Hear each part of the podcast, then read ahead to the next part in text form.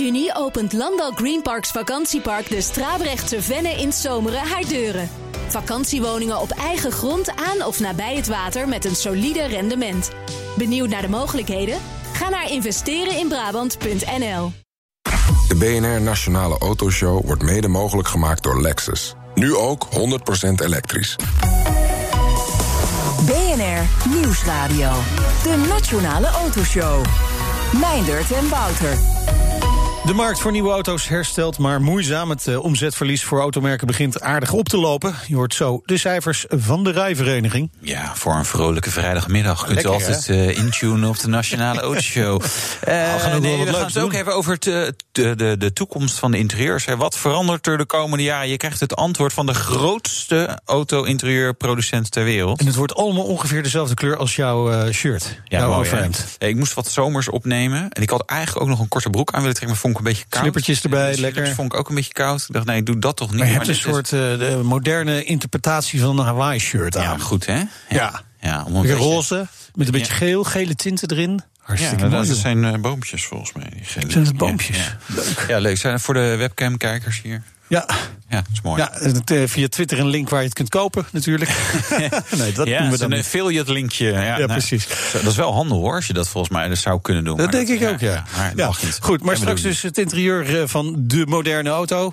Maar we beginnen met de start van de Formule 1. Op de Red Bull Ring in Oostenrijk wordt dit weekend de eerste race verreden. Is toch wel lekker. Ik heb er wel naar uitgekeken. Nou, het stom was was helemaal uit mijn systeem verdwenen. En ik merkte bij meer mensen die echt dachten: oh, wacht, ja, het gaat ja, dit weekend gewoon weer. Dus het, is, het, het, het moet wel weer even landen allemaal. Ik heb streepjes op de muur gezet hoor. Ja, jij wel. Och, ja. dagen geteld. Nee, ik niet. Maar ik heb er Oh. wel echt zin in. Ik ben ook echt oprecht benieuwd wat er allemaal gaat gebeuren. En uh, nee, wel lekker. is wel leuk weer even weer iets te kijken. De, rij- de rijders schijnen het ook wel leuk te vinden dat het weer mag. Uh, coureur Carlos Sainz die mocht als eerste de baan op en kon zijn geluk niet op. Oh, dit is vast. Ja, het is toch mooi. Nee, maar dat, je ziet dat die mannen toch gewoon nog wel uh, ook liefhebbers zijn. Die dat echt ook wel oprecht, denk ik, wel leuk vinden. Van nou, we mogen eindelijk. Ook weer, ja, het zijn gewoon jonge veulens die weer het veld. De, de, Precies. de, in mogen. Ja, Ja, ja. lekker. Erik van Haren is uh, autosportverslaggever Is bij ook de. een jong veulen. Ongetwijfeld. uh, bij de Telegraaf en aanwezig op het uh, circuit waar zojuist de tweede vrije training is begonnen. Welkom in de uitzending. Hoi, goedemiddag. Ja, Ja. Ik kijk echt net uh, ik kijk echt op het rechte stuk. Uh, inmiddels de auto's komen voorbij. Dus dat is wel weer een uh, fijn beeld om in levende lijven te zien, zeg maar. Ja, wij zijn helemaal niet jaloers. Nee, we zijn, vinden het natuurlijk verschrikkelijk dat wij hier staan en jij daar. En, en ja, al die Formule 1-volgers zitten allemaal thuis en jij niet. Jij, jij bent er gewoon. Hoe kan dat? Ja, heel veel lobbyen en heel veel slijmen en uh, steekpenningen. En, ja, was het nee, nodig? Ja, ik, ik, nee, ik heb het voordeel dat ik voor de Telegraaf schrijf. En wij hebben al heel lang een, uh, een vaste pas, zeg maar. Een permanent pas voor de vaste volgers van de Formule 1. Dat zijn mensen die, ja, ik denk iets van 15 van de normaal 20, 21 races uh, daadwerkelijk op het circuit zijn. En er zijn, uh, ja, ik denk 23 journalisten van de schrijvende pers uitgenodigd. En daar zaten wij ook bij. Dus heel dankbaar voor. En dan krijg je daarna wel uh, allerlei documenten toegestuurd. Ik denk uh, 120 pagina's in totaal met allemaal regeltjes waar je aan moet houden. Ja. En ik weet niet hoe dat bij jullie is, maar als je zoiets leest, denk je van, nou, op locatie zal het allemaal wel loslopen, maar dat valt me vies tegen. tot Ja, toe. nee, het is wel eh, heel, heel streng. Uh, ja, ja, het is natuurlijk het eerste weekend, hè, dus alles moet nu goed gelopen, ook True. in de toekomst. Maar, Ja. maar wat voor maatregelen zijn er allemaal getroffen? Nou, ik heb nu bijvoorbeeld een mondkapje op. En dat is niet uh, voor mijn lol. Dat moet overal. Behalve als ik achter mijn bureau zit, dan mag die af. En als ik uh, wat ga eten, uiteraard. uh, elke dag als ik bij het circuit aankom, een, krijg ik een temperatuurtest. niet alleen ik, iedereen die hier is. Eens in de vijf dagen een coronatest. Dus morgen mag ik weer aan de bak. Want maandag voor het trek ben ik voor het laatst geweest in Amsterdam. Ja. Ja, en ja, er zijn allemaal, volgens mij zijn er 57 bubbels, vertelden ze vanmorgen. Dus al die teams, hè, want je hebt Formule 1, Formule 2, Formule 3, Porsche Supercup. Ja. Nou, media is dan een groep en dan heb je superbubbels. Dus iedereen moet eigenlijk heel ver uit elkaar blijven. Daar, daar komt het op neer. Ja, ja, want het zijn wel veel mensen, hè? Het zijn, het zijn zoiets van 2000 mensen volgens mij aanwezig. Ja, 2000. Ja, ja, daarom. Dus ik denk dat veel mensen denken, ah, Formule 1, nou ja, uh, ze mogen die 80 man personeel maximaal meenemen. Nou, 10 Ja. teams, dus je zit maar op 800. Ja.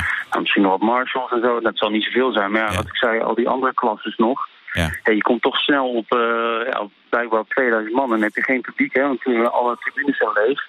Ik ken natuurlijk de plaatjes van de tienduizenden oranje fans. eh, die zochten zo lekker met een kist bier buiten zitten. Maar Ja. die, zien, eh, die heb ik allemaal niet gezien. Maar eh, hoeveel journalisten zijn er nou? Volgens mij zei je het al.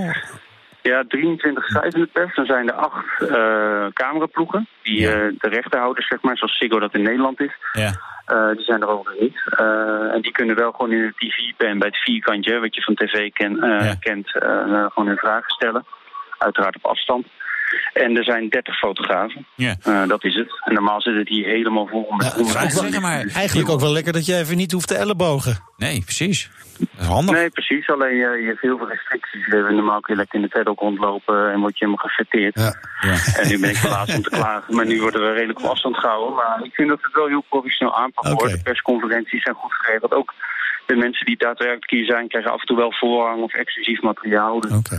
Ja. nou, gisteren stelde ik dan een vraag aan eh, Max Verstappen. Nou, en zijn antwoord komt dan alleen hier eh, op het scherm. Dus zeg maar alleen voor de journalisten hier. Ja. En niet voor de mensen thuis. Maar ook de mensen thuis kunnen. Gisteren hadden we ook een Zoom-meeting met Verstappen. Nog voor de Nederlandse media. Ja. Nou, dat wordt allemaal goed ge- gefaciliteerd, moet ik zeggen.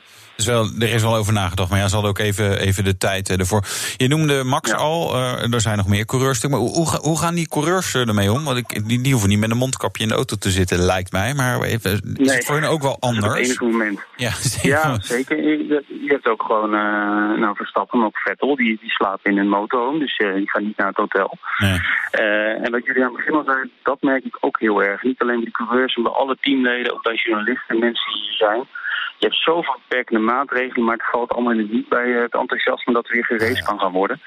En ik denk wel dat Formule 1 of autosport in het algemeen wel echt een sport is. Kijk, het is allemaal leuk, die, die volle tribunes en al die, ja, die verplichtingen, die fans.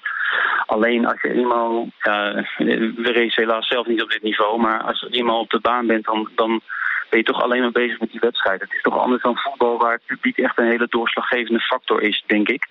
Eh, bij, bij autosport is dat minder zo. Dus, en ik denk dat iedereen er wel echt naar, naar snakt dat het weer gaat beginnen, ook de mensen thuis. Dus ik denk echt dat de kijkcijferrecords zo verbroken gaan worden. Ja, Ja. dat denk ik ook. Ja. En het is natuurlijk ook bij uitstek een hele goede televisiesport om, eh, om te Ja, gaan kijken. Met, ook met die indoorcamera. Ja, ja als je, je hoort toch veel mensen die hierheen gaan. Ja, die doen het toch ook om het allemaal te beleven, hè, om erbij te zijn. Nou, dit, de Red Bull Ring is wel echt een circuit waar je het allemaal heel goed kan zien, ook door het hoogteverschil.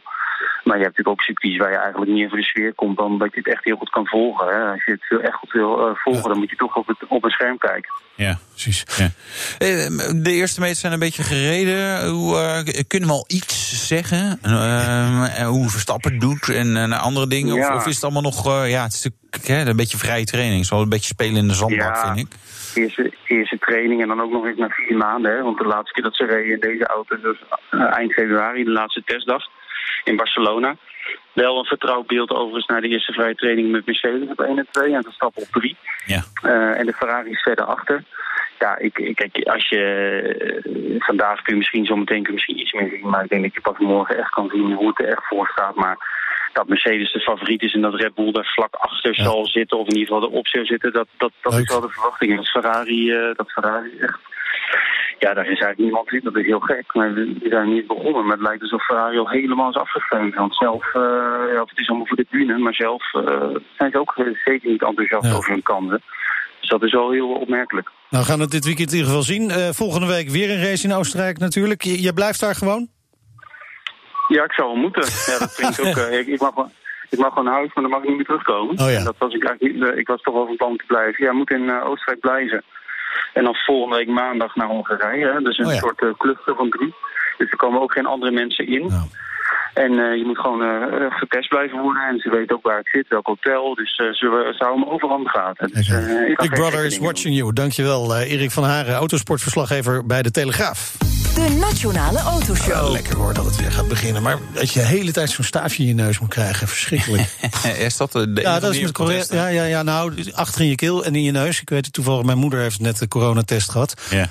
Had het niet, dus ik kan ook rustig hier staan. Ja, nou, we Maar, zijn- eh, ik duik even onder het scherm. ja. Ja, mooi. We hebben hier schermen in de studio. Maar Ja, die zijn, eh, die zijn niet zeg op jouw formaat. Nee, niet echt, hè? Nee, kijk er Nee. gewoon overheen. Ik Naar beneden spugen. Nee, ja, als ik moet niezen, dan moet ik even... Precies. In je elleboog, hè? Ja, in mijn zwaantje. De coronacrisis, want we hebben het over corona, deelt een eh, flinke klap uit aan de Nederlandse automarkt. Verkoop van nieuwe auto's daalde in de eerste helft van dit jaar met 30 procent. Te gast is Steven van Eyck, voorzitter van de Rijvereniging, de brancheorganisatie van autofabrikanten en auto-importeurs. Welkom. Dank.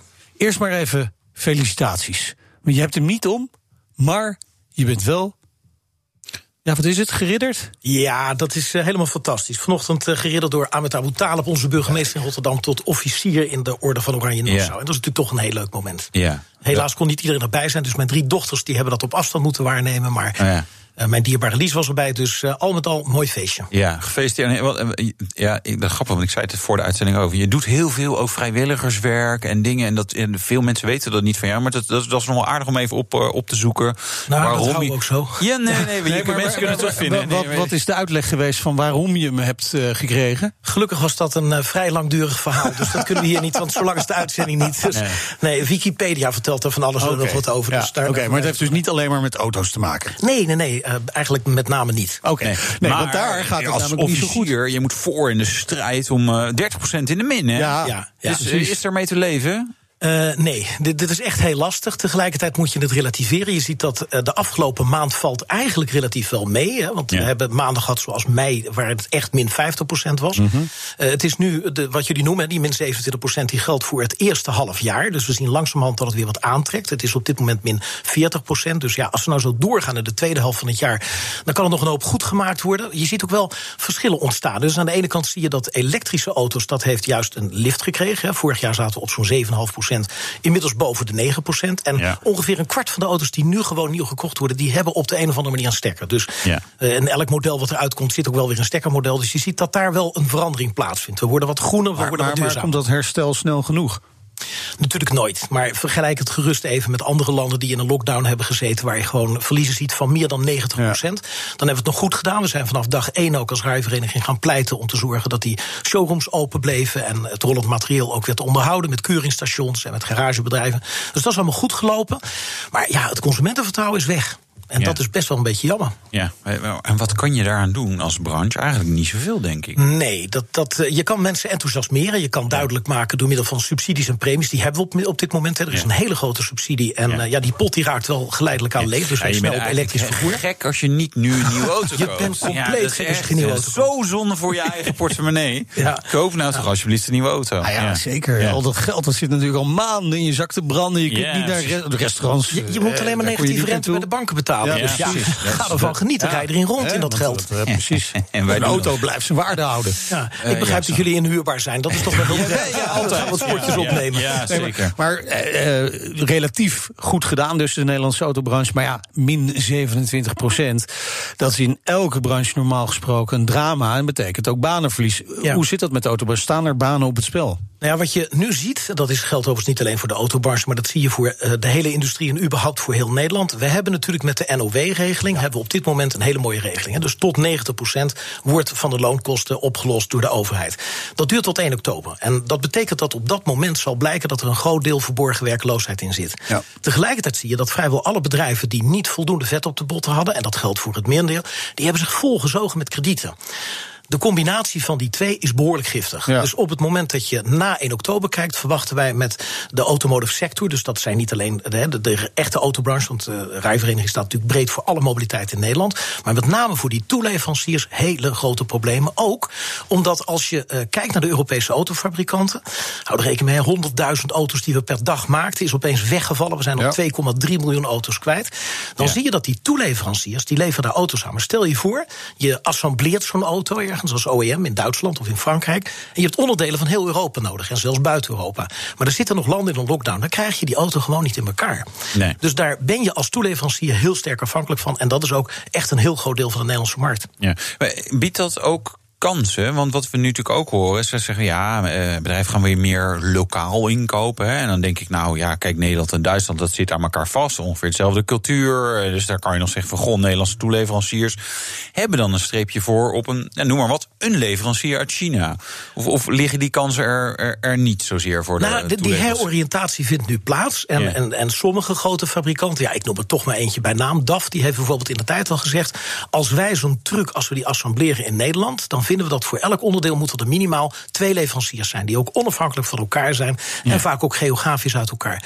Dat blijkt nu met terugwerkende kracht natuurlijk een uitermate slimme afspraak te zijn geweest. Ja. Dus ja, het wordt regionaler. En ik denk ook eerlijk gezegd dat we veel meer naar een level playing field, hè, een gelijk speelveld moeten. Ja. Dus als je ziet hoe op dit moment ook alles echt vanuit het he- de hele wereld komt om maar dat laagste punt op te zoeken waar de laagste kosten gelden. Ja, ja. dat is toch achteraf niet Maar heel dat is natuurlijk wel het probleem natuurlijk. Want als je eh, eh, arbeid zal hier in Europa gewoon duurder zijn dan in China. Ja, dat weet iedereen. Betekent dus ook als je hier eh, onderdelen gaat bouwen, dat ze duurder zijn.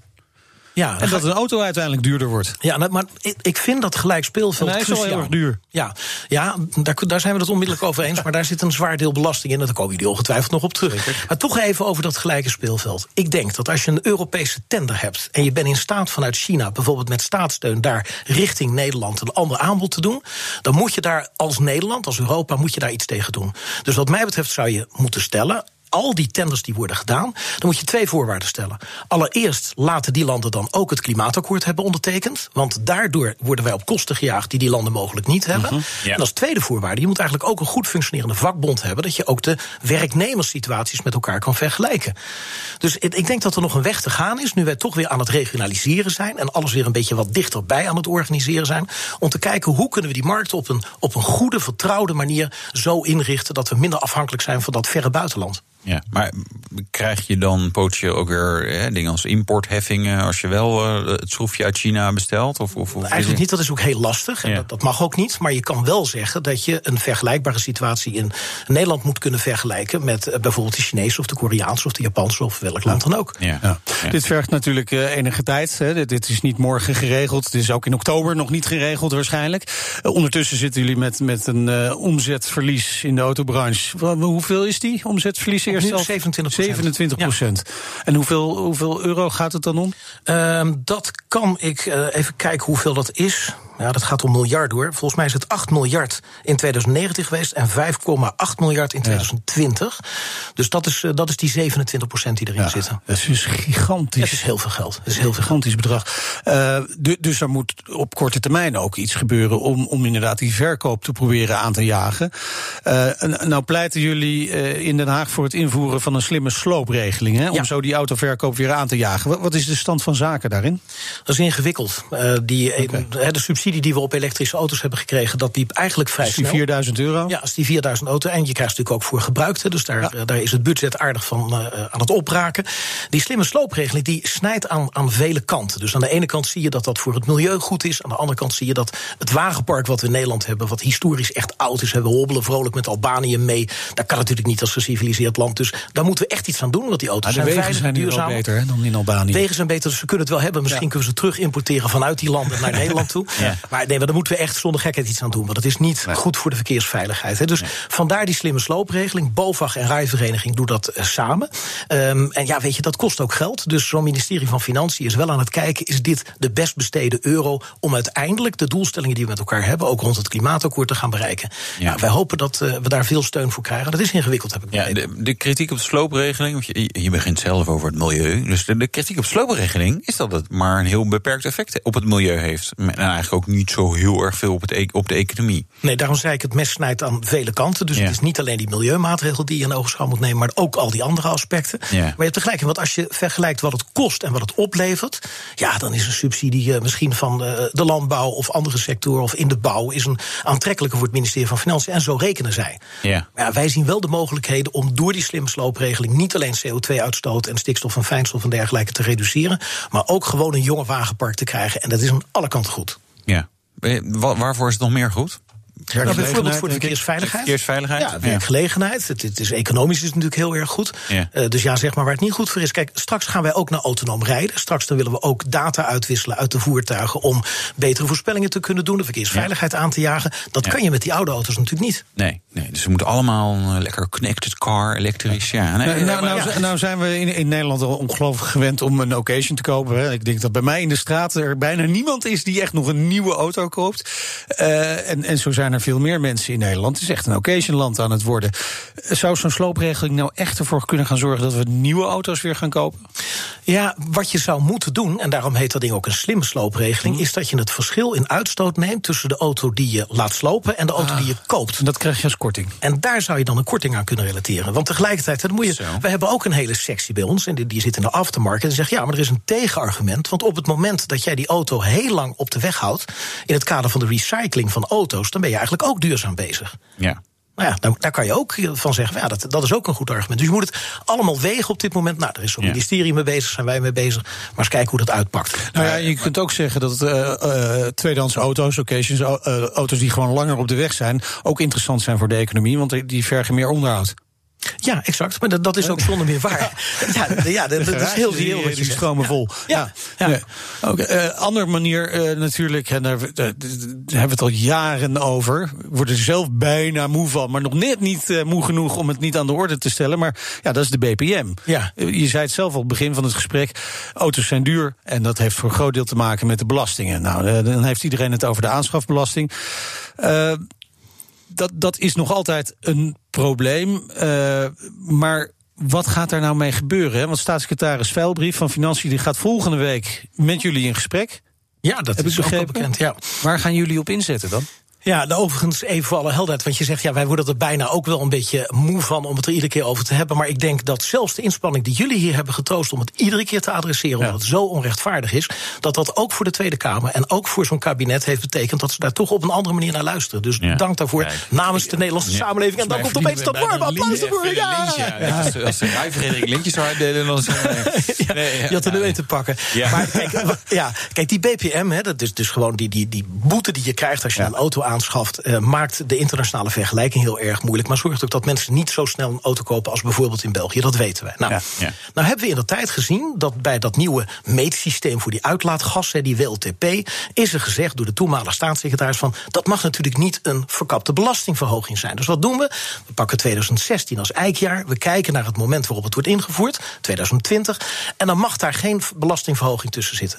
En op een gegeven moment is daar een berekening van geweest. Jullie hebben ze hier zelf professor Ja. Koopmans aan het woord gelaten. En die heeft die berekening nog een keer gecontroleerd. En wij hebben van meet af aan gezegd: van, jongens, let nou op. Want de vraag die door het ministerie is gesteld aan TNO en later aan professor Koopmans, is niet de juiste vraag. Je moet namelijk appels met appels en niet appels met peren vergelijken. Dus wij hebben via KPMG uitgebreid onderzoek gedaan. Glasharde uitkomst. En die zegt gewoon dat Nederland 600 tot 650 miljoen BPM te veel heeft betaald bij de aanschaf in de afgelopen periode van de auto's. Ik vind dat het geld terug moet. Dat is een onrechtmatig verkregen overheidsinkomsten. Ja. En dat was tegen de afspraak. Nu zie je overigens dat die BPM-tabellen die worden weer een beetje naar beneden aangepast. Hè. Dat komt doordat die nieuwe meetsystematiek die zou ook vertaald worden in andere eh, tabellen. Dus het gaat ietsje omlaag. Maar nou zit er nog iets anders bij. Kijk, die autofabrikanten die kijken over zo'n heel Europa heen. En die zien in Nederland die duurdere belastingen. En die zeggen: Weet je wat, wij gaan de netto catalogusprijs een beetje verlagen. Mhm. Anders zetten we daar niks meer weg. Dus die hebben een deel van die belastingverhoging voor hun rekening genomen. Ja, dat doen ze één, ja, dat doen ze twee. En dan zijn ze ook een keer klaar. Ja. Dus voordat nou straks die prijzen weer omhoog gaan, omdat ook zij hun marges moeten maken, moet nou echt instappen en zorgen dat de BPM terugkomt naar waar die naartoe moet. Dat is gewoon naar de belasting betalen. Maar goed, dat gesprek dat, dat volgt nog. Eh, Voorlopig eh, verandert er dus niet zo heel veel. Nee, maar let wel op, want die Tweede Kamer die is ook bepaald niet eh, ingeslapen geweest in de afgelopen periode. Hè. Mensen als Pieter Omtzigt en Helmut Lodders en zo, die hebben er heel fel voor gepleit dat nu echt een keer de Tweede Kamer gehoord wordt en daarna de staatssecretaris heeft gezegd: ja, je moet met de branche in overleg hoe we hieruit gaan komen. Want linksom of rechtsom, er moet wel recht worden gedaan aan datgene wat hij heeft toegezegd. Of zijn voorganger. En als dat niet gebeurt? Ach, het maakt carrières kort, maar uiterst overzichtelijk. Ja. Dankjewel. Steven van Eyck, voorzitter van de Rijvereniging. En zometeen, Wouter. Ja, op welke manier verandert het auto-interieur de komende jaren? En? Wat doen we? Wat Ik, ik denk heel veel schermpjes erin. Heel, ja, nog meer Alles schermpjes. scherm, Nog één groot scherm. Het wordt allemaal virtueel. touchpads, ja, Je- Je hebt straks niet eens meer... Vegan. Vegan, ja. Ja, dat denk zie het je steeds meer een perspectief van een volledig vegan interieur. Ja, en dan eh, rij jij elektrisch. Nou, Ja, in de Lexus UX, hè? tot zo. Ja. BNR Nieuwsradio. De Nationale Autoshow. Meindert en Wouter. Het interieur van nieuwe auto's wordt de komende jaren een stuk persoonlijker en veel slimmer. Zo, nog Ja. slimmer. Ja, de nieuwste ideeën en snufjes zijn verwerkt in het kers, kerstvers... Zo, dat is een tongbreker, zeg. Showmodel van interieurbouwer Yang Fong. En daar gaan we gelijk over praten met Han Hendricks, Chief Technology Officer van Yanfeng. De grootste auto-interieurproducent ter wereld. Meer dan 200 fabrieken. Welkom in de uitzending. Dankjewel. Ja, het- showmodel eh, XIM21, oftewel Experience in, Experience in Motion 2021. Ja, ik dacht eerst van... Nou ja, ik mag het woord niet zeggen, kutafkorting. Maar, eh, maar nu Experience in Motion 21, dan snap ik hem wel. Eh, Gepresenteerd in China. in China, ja. Ja. ja. je verwacht het niet met zo'n naam als Yang Fong. Maar, eh, en, maar, en niet, zeker niet met de naam Han Hendricks. Maar goed, welk doel is het showmodel gemaakt? Nou, misschien kun je nog herinneren de vorige, het vorige showmodel, en we noemen het eigenlijk een Technology Demonstrator Vehicle, XIM20, hebben we eigenlijk laten zien wat onze lange termijn visie is. Hoe gaat het interieur van de toekomst eruit zien, echt meer op lange termijn. En dat is heel goed aangekomen bij, bij onze klanten, de, de BMW's, de, de Tesla's, de, de Fords van, van de wereld. Heeft veel prijzen gewonnen. Maar onze klanten vragen dan ook, um, wat kunnen we integreren in de volgende generatie auto's die we nu aan het ontwikkelen zijn en over twee, drie jaar op de markt komen. Nou, dat laten we zien met XIM 21. Alle innovaties, alle technologie die nieuw is, maar die is wel productierijp en komt, uh, komt snel in, in productie. Ja, want XIM 20 keek 10 jaar vooruit. XIM 20 21 kijkt dan dus hoeveel, twee jaar vooruit, zei je? Nou ja, wat, we, wat, wat daar aan technologie in zit, dat uh, starten we nu zeg maar met onze klanten. Dat wil zeggen dat het over twee jaar in de auto's zit die op de markt komen. Oké, okay, maar verschillen XIM 20 en XIM 21 dan uh, heel veel van elkaar? Eén cijfer.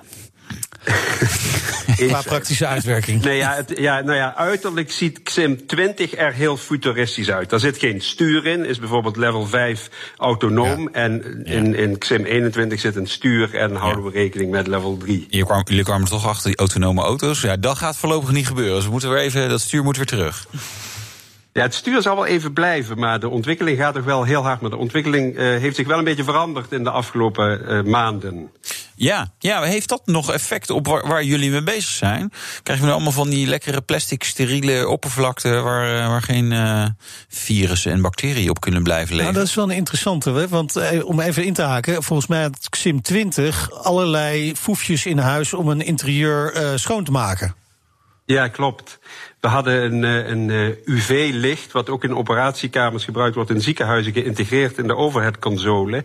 En als de auto inderdaad even niet in gebruik is, dan doet dat UV-licht een soort sweep en uh, doodt daarmee eigenlijk 99,9% van de bacteriën op de oppervlaktes die veel aangeraakt worden.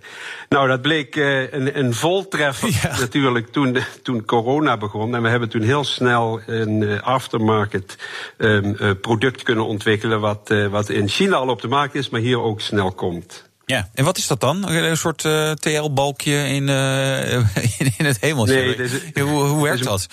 Ja. Het is eigenlijk een piepklein uh, UV-C-licht. Dat is een bepaalde frequentie. Ja. En, uh, en wordt gebruikt uh, al langer in ziekenhuizen om operatiekamers te steriliseren. Daar rijdt ja. dan een robotje in en, en, gaat met dat licht rond. Nou, hetzelfde doen we in een auto. En je kunt het bijna onzichtbaar, een heel klein ledje wegwerken in, uh, op een aantal plekken in het interieur. Maar dat, is, dat is ook wel interessant. Dit is natuurlijk speciaal voor, voor de auto ontwikkeld. Maar zou dit ja. ook in een tram, bus, metro kunnen? Zeker. Ja. Want wij willen wel nou, dat het een beetje rustig op de blijft automarkt, maar uh, we hebben wel aanvragen gehad, inderdaad, okay. van andere toepassingen. Uh, inderdaad ook in de luchtvaart. Kijk, oh ja, natuurlijk, dat is ook een interessante. Waar veel mensen bij elkaar komen in een vervoersmiddel, kun je dat ja. natuurlijk ook gebruiken. Ja. Zeker. Een, een, een, belangrijke ontwikkeling is, is het meer persoonlijk maken van het interieur. Um, ja. Ja, wat, dat, is, dat is een belangrijke. Wat, dat laten we, wat houdt het in en waarom is het nodig? Nou, dat laten we hier ook zien. Zeg maar, als, je, als, als, als iemand vanuit zijn huidige auto, die hij op dit moment rijdt, in onze XIM 21 stapt. Het eerste wat hij eigenlijk ervaart, is dat de auto uh, uh, die persoon herkent En uh, als hij achter het stuur gaat zitten. En alles past zich aan aan die persoon. Dus bij dezelfde stoel- auto kan er voor Wouter een soort Hawaii-interieur ontstaan... terwijl bij mij meer een rustig Scandinavisch ontwerp is. Bijvoorbeeld. Kijk. Kijk, maar, maar niet alleen, niet alleen op, op die manier, maar ook de stoel past zich meteen aan. De stuurpositie past zich meteen aan. Aan de lengte van die persoon. Ja. Inderdaad, wat je zegt, de kleur van het licht. De geur in het interieur. De temperatuur die jij lekker vindt. Maar ook de veiligheidssystemen eh, passen zich aan. Alles uit. ehm, op basis van de lengte en het gewicht van die persoon. Oh, nee, dat is weer wat anders. Eh, maar eh, d- dat, dat is echt zeg maar, alles wat je elektronisch een beetje kan aanpassen. Het is niet zo dat je dan eh, eh, het personaliseren. Dus natuurlijk ook heel lang eh, personaliseren was zeg maar andere stickers buiten op je auto. Dan zag het er anders uit. Dit is eigenlijk wat anders. Ja, dit is, wat, dit is elektronisch, zelfs de buitenkant. het zijn, het ziet, de auto ziet er, ziet er aan de buitenkant vrij normaal uit, maar er, ga- er komt licht door die oppervlaktes, zeg maar, ook aan de buitenkant. Dus die nemen we ook mee. Maar het is inderdaad allemaal met digitale technologie en dat is ook heel belangrijk in onze strategie. Zeg maar, al die producten in het interieur, de stoelen, de oppervlaktes, ehm, er komt steeds meer digitale technologie overal in dat interieur. Hadden we niet al genoeg, eh, hadden we niet al genoeg eh, elektronische chak eh, in auto's?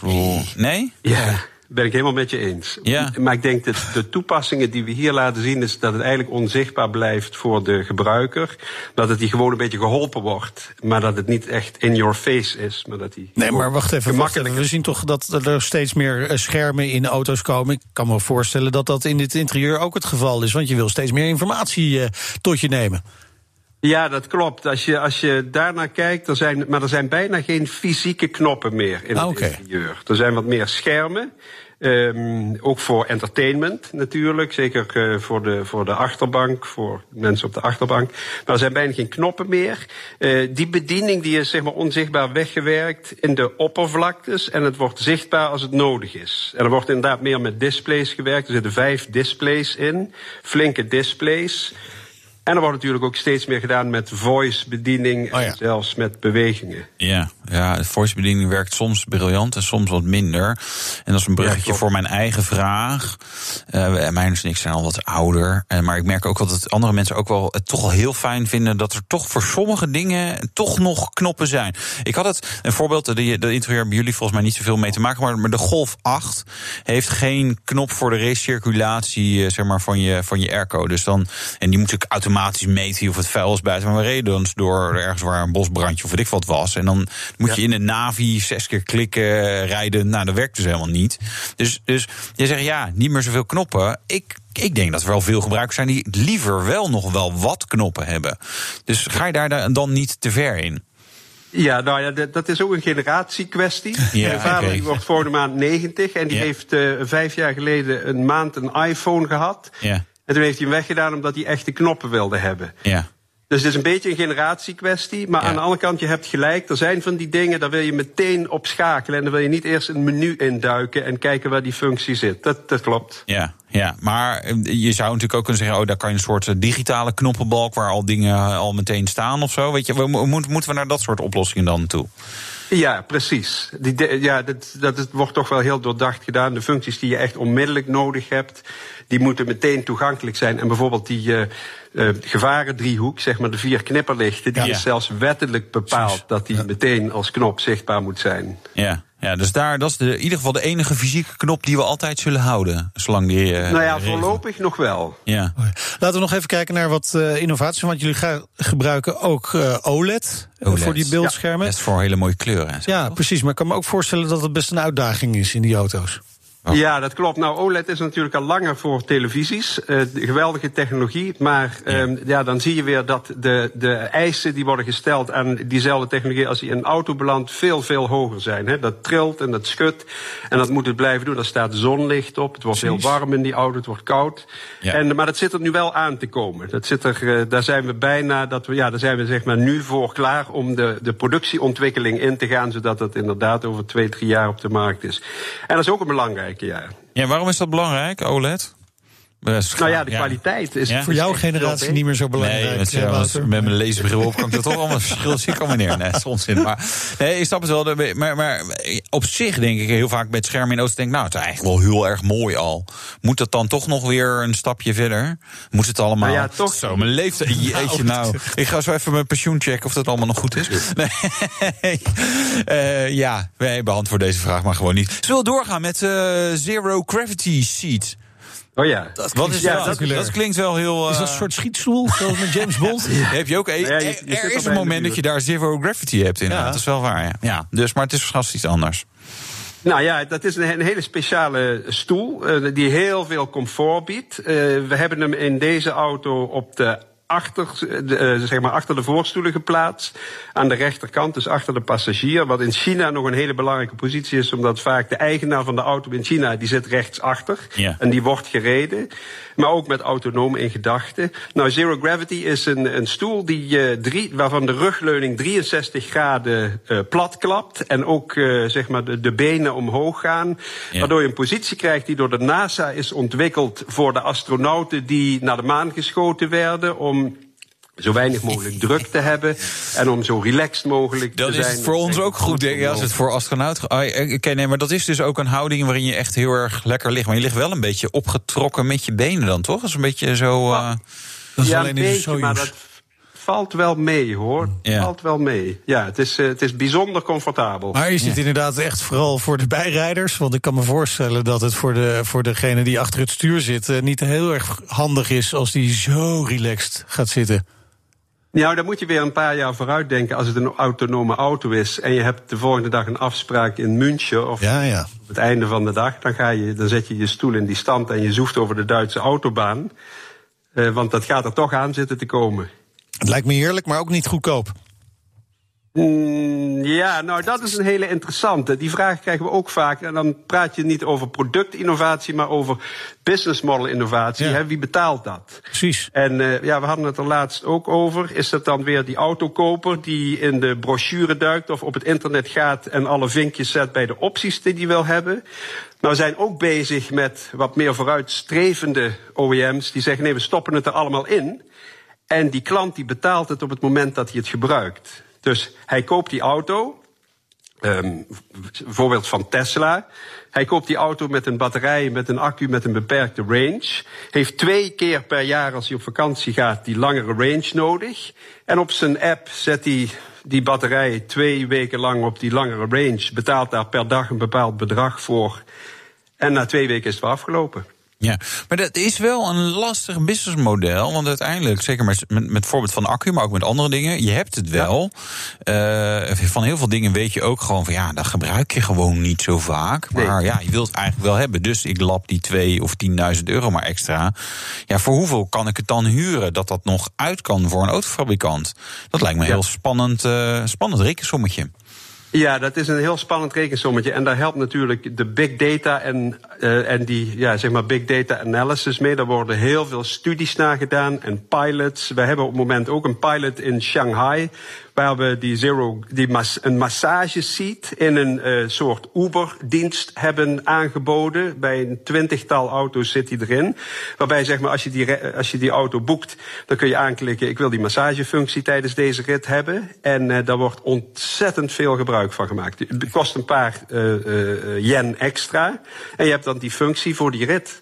Dus we denken dat het ook in de, ja, in, de, in de sfeer terechtkomt van de auto's die je gaat kopen. Maar dan pay-per-use voor die extra opties. Ja. Het, het, is wel dat zijn maar... hele leuke use cases van. Ja, ja. ja. ook dus voor wel... jailbreakers, denk ik. De, de mensen die, die uh, software gaan uh, aanpakken. Yes. En voor een klein bedrag, ja, ah, dat... joh, ik ga je auto tunen, joh. Ja. Dat je wel die afstand kunt rijden op die accu's.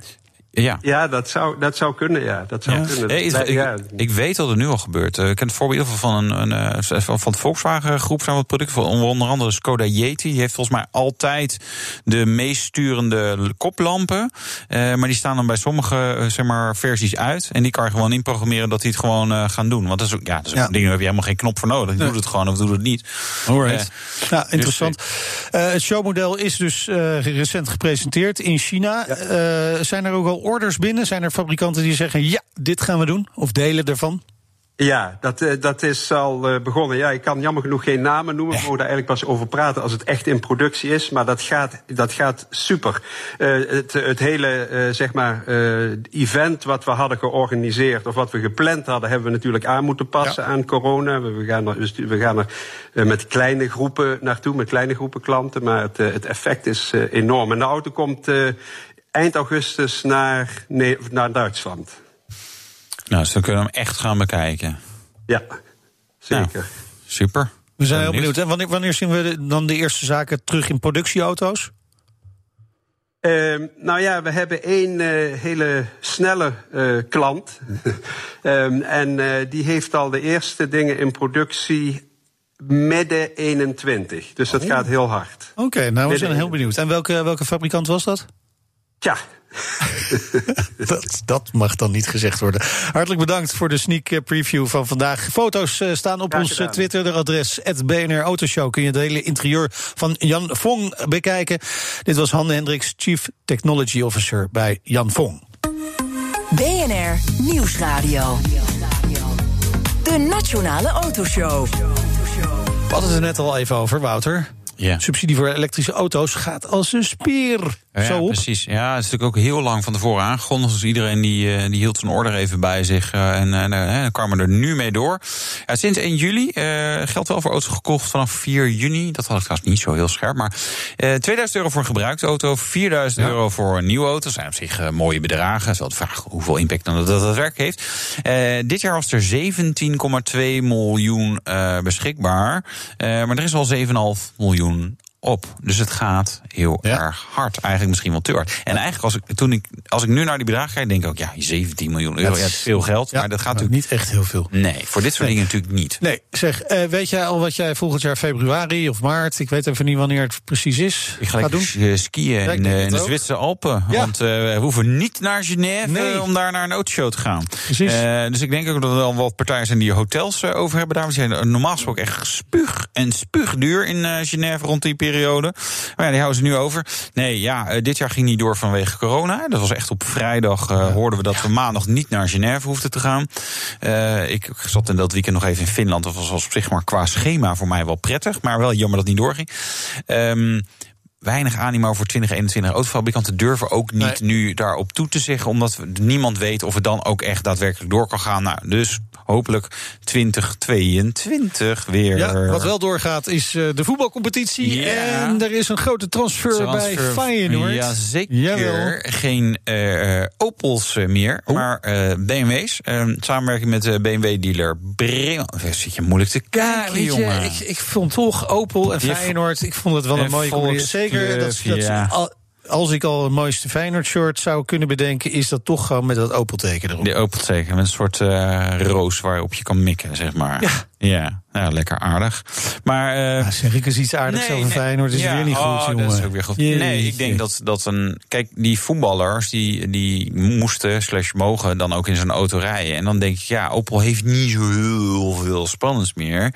Die voetballers schijnen toch nog best wel wat... Opel Corsa E. Wat knaken te verdienen. Ja, dat was natuurlijk, ja, dat is jammer. Die was er toen nog net niet. Anders waren ze, denk ik, hadden ze het wel anders uh, gedaan. Maar het worden uh, BMW's dus? Het worden BMW's, ja. Ja, over het algemeen twee serie Grand Coupé hebben ze allemaal in de, in de lijst. best een leuke auto. Ja, de meningen zijn er, uh, verschillen er enorm over. Ik vind hem op foto's vaak niet heel sexy. In het echt is het al ietsje beter. Het hangt ook een beetje van de motorisering af natuurlijk, hè? Wat, ja, wat, het is allemaal viercilinders. Ja, ja de M235 is nog steeds een viercilinder. Maar ja, ja, dat is de toekomst, hè? Allemaal, allemaal voor het milieu. Erbij. Ja, precies. Lekker hoor. Nou ja, hè? Uh, dat is hem dus. De rijimpressie. Ja, ze ook met Lexus in zee kunnen gaan, dan ze elektrisch kunnen gaan rijden. Nu Feyenoord dat niet doet, is Wouter dat maar gaan doen. De Lexus UX 300e. Ik zit in de nieuwe Lexus UX 300e. En als je denkt, UX, wat is dat dan ook alweer? Ja, daar kan ik me iets bij voorstellen. Het is een uh, ja, wat compactere crossover, niet al te groot. Um, die Lexus nu als hybride in Nederland levert. Maar ja, dit is de volledig elektrische. Vandaar het eetje achter de naam. Laten we beginnen met nou, vooral veel goed nieuws. Uh, dit jaar nog leverbaar. Dan heb ik het over 2020. In principe medio oktober zou de boot uit Japan moeten aankomen met de Lexus UX 300 Ace erop. Ik rij nu nog in een pre-productie-exemplaar. Wat het verder gewoon heel keurig doet er heel netjes uitziet. Het is natuurlijk een van de kernkwaliteiten van Lexus. Die kwaliteit, ja, daar kan je in ieder geval niet over klagen. Sterker nog, ik zal iets vertellen over de garantie op het accupakket. Wat denk je? Doe gewoon eens een gok. Hoeveel zou het zijn? 100.000 kilometer? Nou, dat doen de anderen ook wel. 160.000 kilometer? Ja, dat doen ze ook bij Lexus.